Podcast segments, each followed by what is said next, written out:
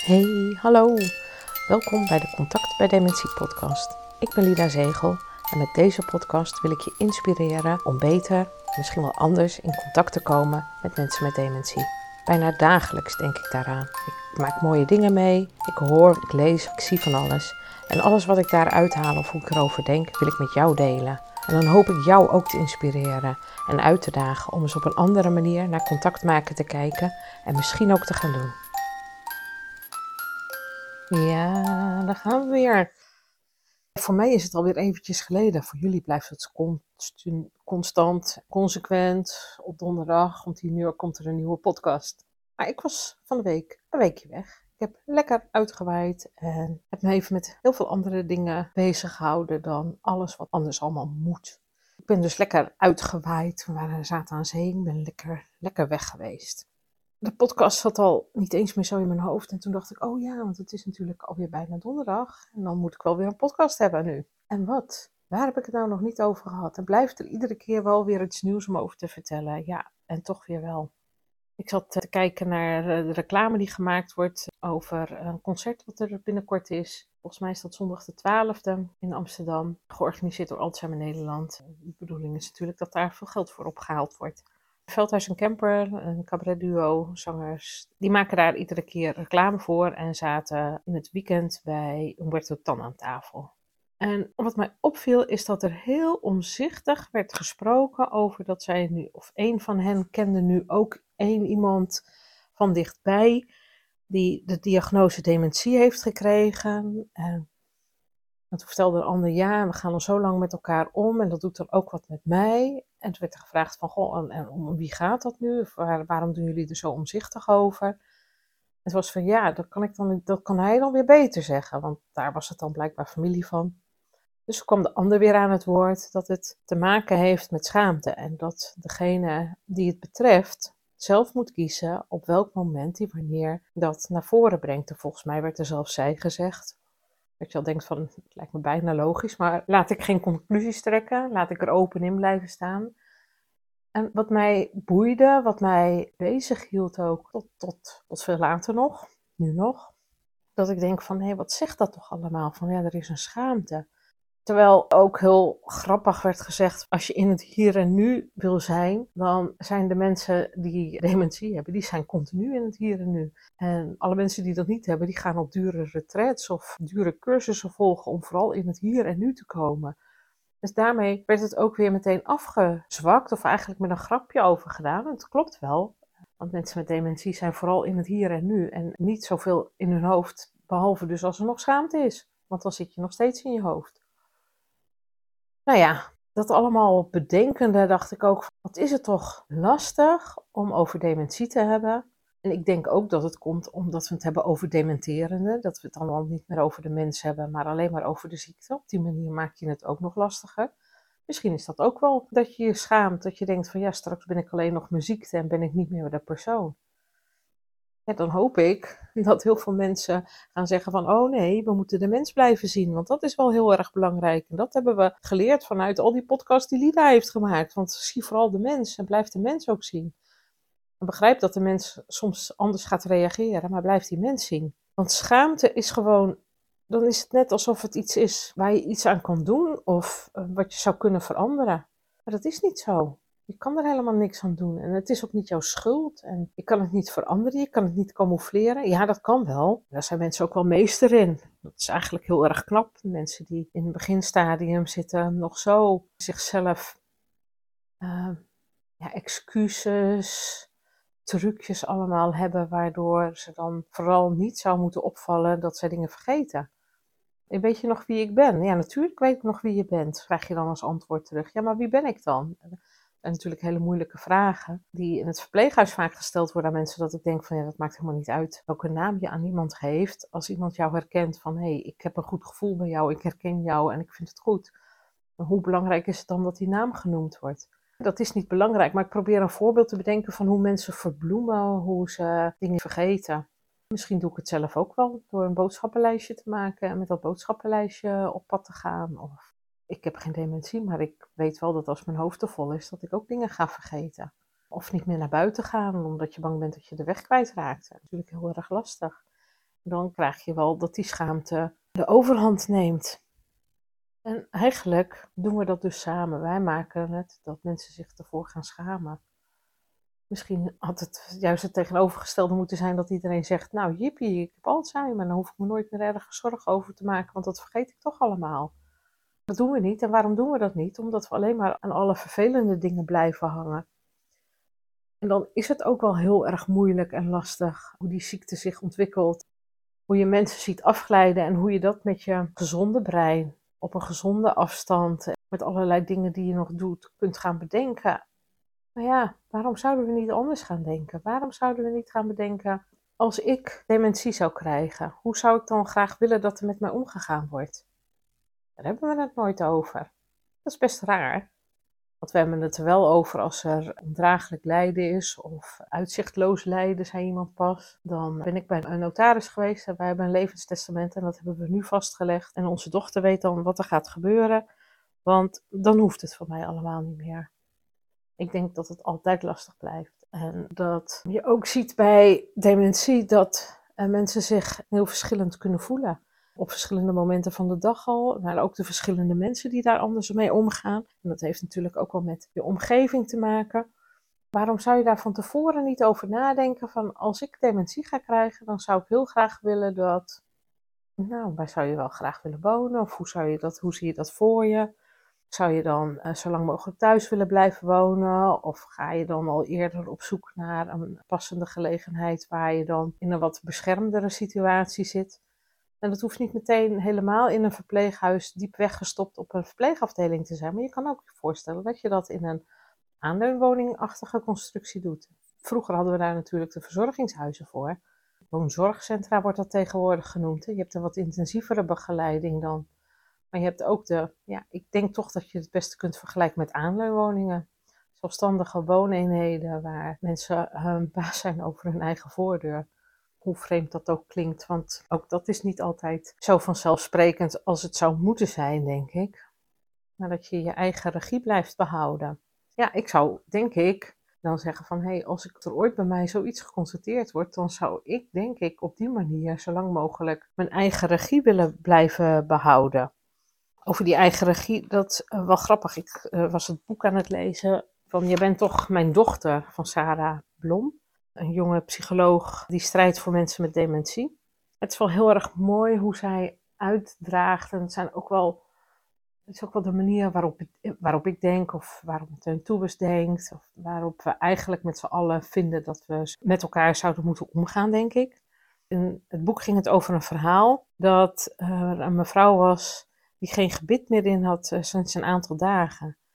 En dat wil ze niet meer, had de verpleegkundige gezegd. Maar we moeten haar ook niet dwingen. Nee, antwoordde ik, en dat is dus die psycholoog. Dwingen is een lelijk woord in de dementiezorg. We zijn ons allemaal te degen van bewust dat we nagenoeg alles bepalen in het leven van de mensen voor wie wij zorgen. Hoe laat ze naar bed gaan, wanneer ze eten, wat ze eten, hoe laat ze verzorgd worden, hoeveel mogelijkheden dat soms ook oplevert. We zijn blij wanneer iemand zich eens verzet. Dat houdt ons scherp, professioneel. Het maakt dat we voortdurend kritisch blijven ten aanzien van ons eigen handelen, zodat we niet zomaar de deken van iemand aftrekken bij het ontwaken of de broek naar beneden trekken bij de toiletgang. En denk, dat is nou precies waar het over gaat. Kan wel eens zijn dat je tegen grenzen aanloopt en dat iemand zijn grens aangeeft. En ik denk dat dat alleen maar goed is dat je je grens nog moet aangeven. En wat ik regelmatig zie en ook wel eens bespreek, is dat vanuit de zorg dan wordt gezegd: Nou, nou, maar zo werkt het niet. Hier gaat het allemaal anders. En in het boek lees ik: Ja, het is heel goed dat iemand dat doet, want dan moeten we toch blijven nadenken. Je kan toch inderdaad ook niet zomaar naar binnen lopen bij iemand en een deken van iemand afhalen terwijl die nog ligt te slapen. En ik snap wel dat je het wel oorspronkelijk gaat, maar zeg dan sorry en begin even opnieuw. Ja, je grenzen aangeven is ongelooflijk belangrijk. Dus eh, misschien is dat wel ook mijn zoektocht naar van als de grenzen wat moeilijker worden. Stel dat ik dementie ga krijgen, dat ik dan ook de grenzen van wat nog mogelijk is wil gaan opzoeken. Hoe lang ik mijn eigen regie kan behouden. En ik wil dan niet met, met schaamte daarover spreken, maar ik wil daar gewoon open een gesprek over hebben, zodat ik kan zeggen wat ik fijn vind en wat ik niet fijn vind, hoe lastig het is. En ja, Ik denk niet dat ik doorsnee ben. En ik geloof ook heel erg dat voor heel veel mensen het moeilijk is. Sowieso moeilijk om te spreken over een ziekte, vooral als dat een ziekte is die niet meer overgaat. Bij ALS vinden we het ook al moeilijk om mensen te zien die heel snel achteruit gaan. En dan spreken we achter iemand om over diegene, maar met diegene doen we dat niet. Dat zie ik regelmatig omheen gebeuren. En denk ik, ja, zo lastig. Dat kunnen we ook gewoon zeggen. We kunnen gewoon zeggen, joh, ik vind het hartstikke lastig wat jou overkomt. Maar ik ben blij dat je dit nog kan of dat nog doet. En wat fijn om je te ontmoeten.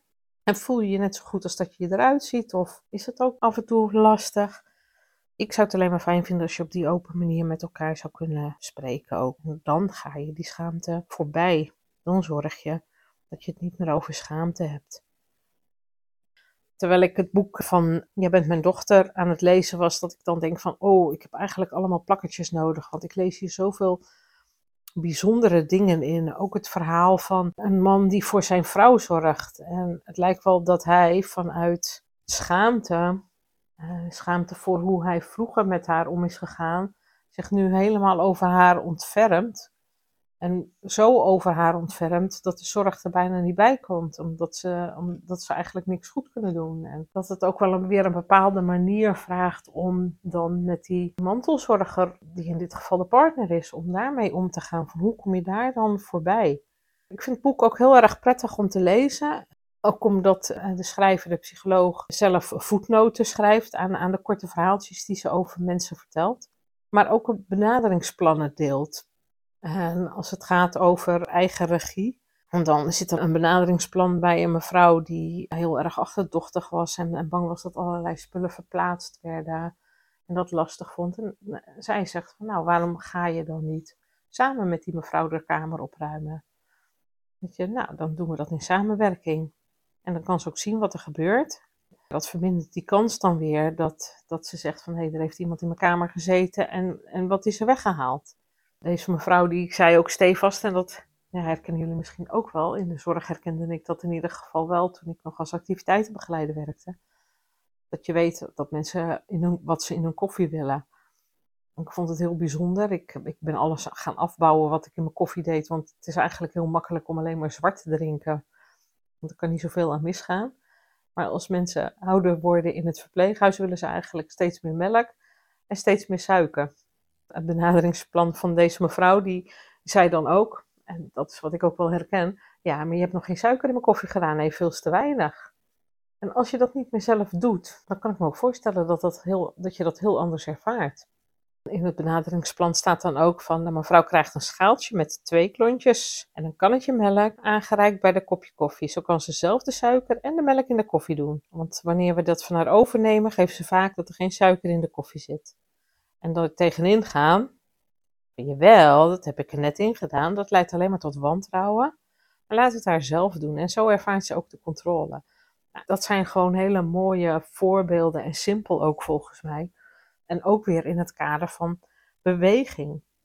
We zijn zo vanuit de, de zorg is zo echt zorg geworden dat we alles uit handen nemen, terwijl mensen best nog wel wat kunnen.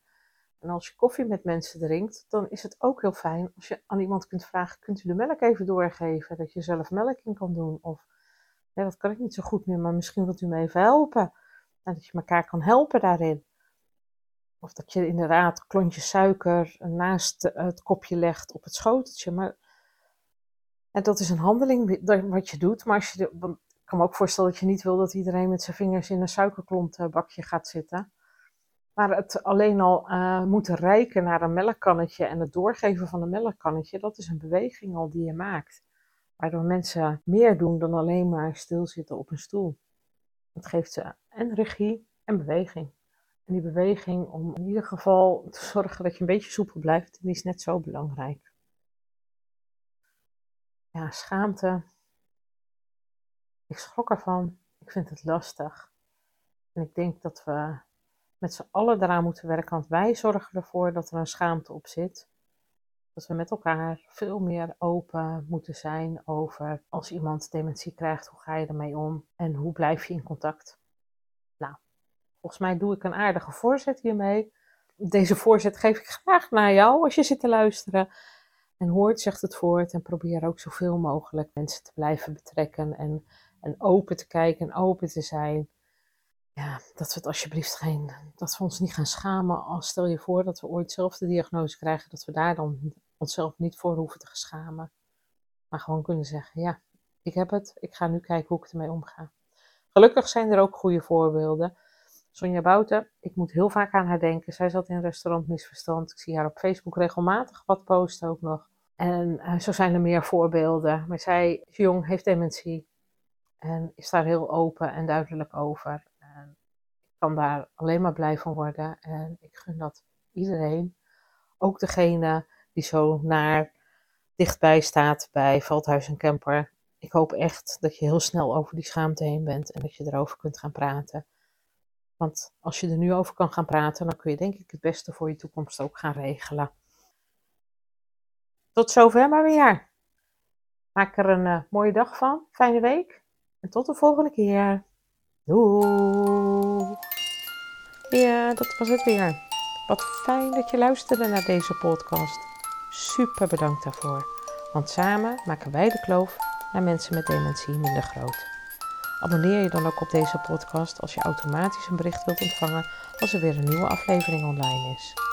En als jij een review achterlaat of een sterrenwaardering, kan deze podcast ook nog sneller gevonden worden. Hoe mooi zou dat zijn? En het zou nog fijner zijn als jij jouw positieve ervaringen wilt delen op een van je socials, bijvoorbeeld met een schermafbeelding. Je kan het altijd doorvertellen natuurlijk. Nog makkelijker. En wil je mij persoonlijk benaderen? Dat kan via mijn Facebook of Instagram pagina van Maatcontact of per mail lida.maatcontact.nl. Nogmaals, super bedankt voor het luisteren en heel graag tot de volgende keer.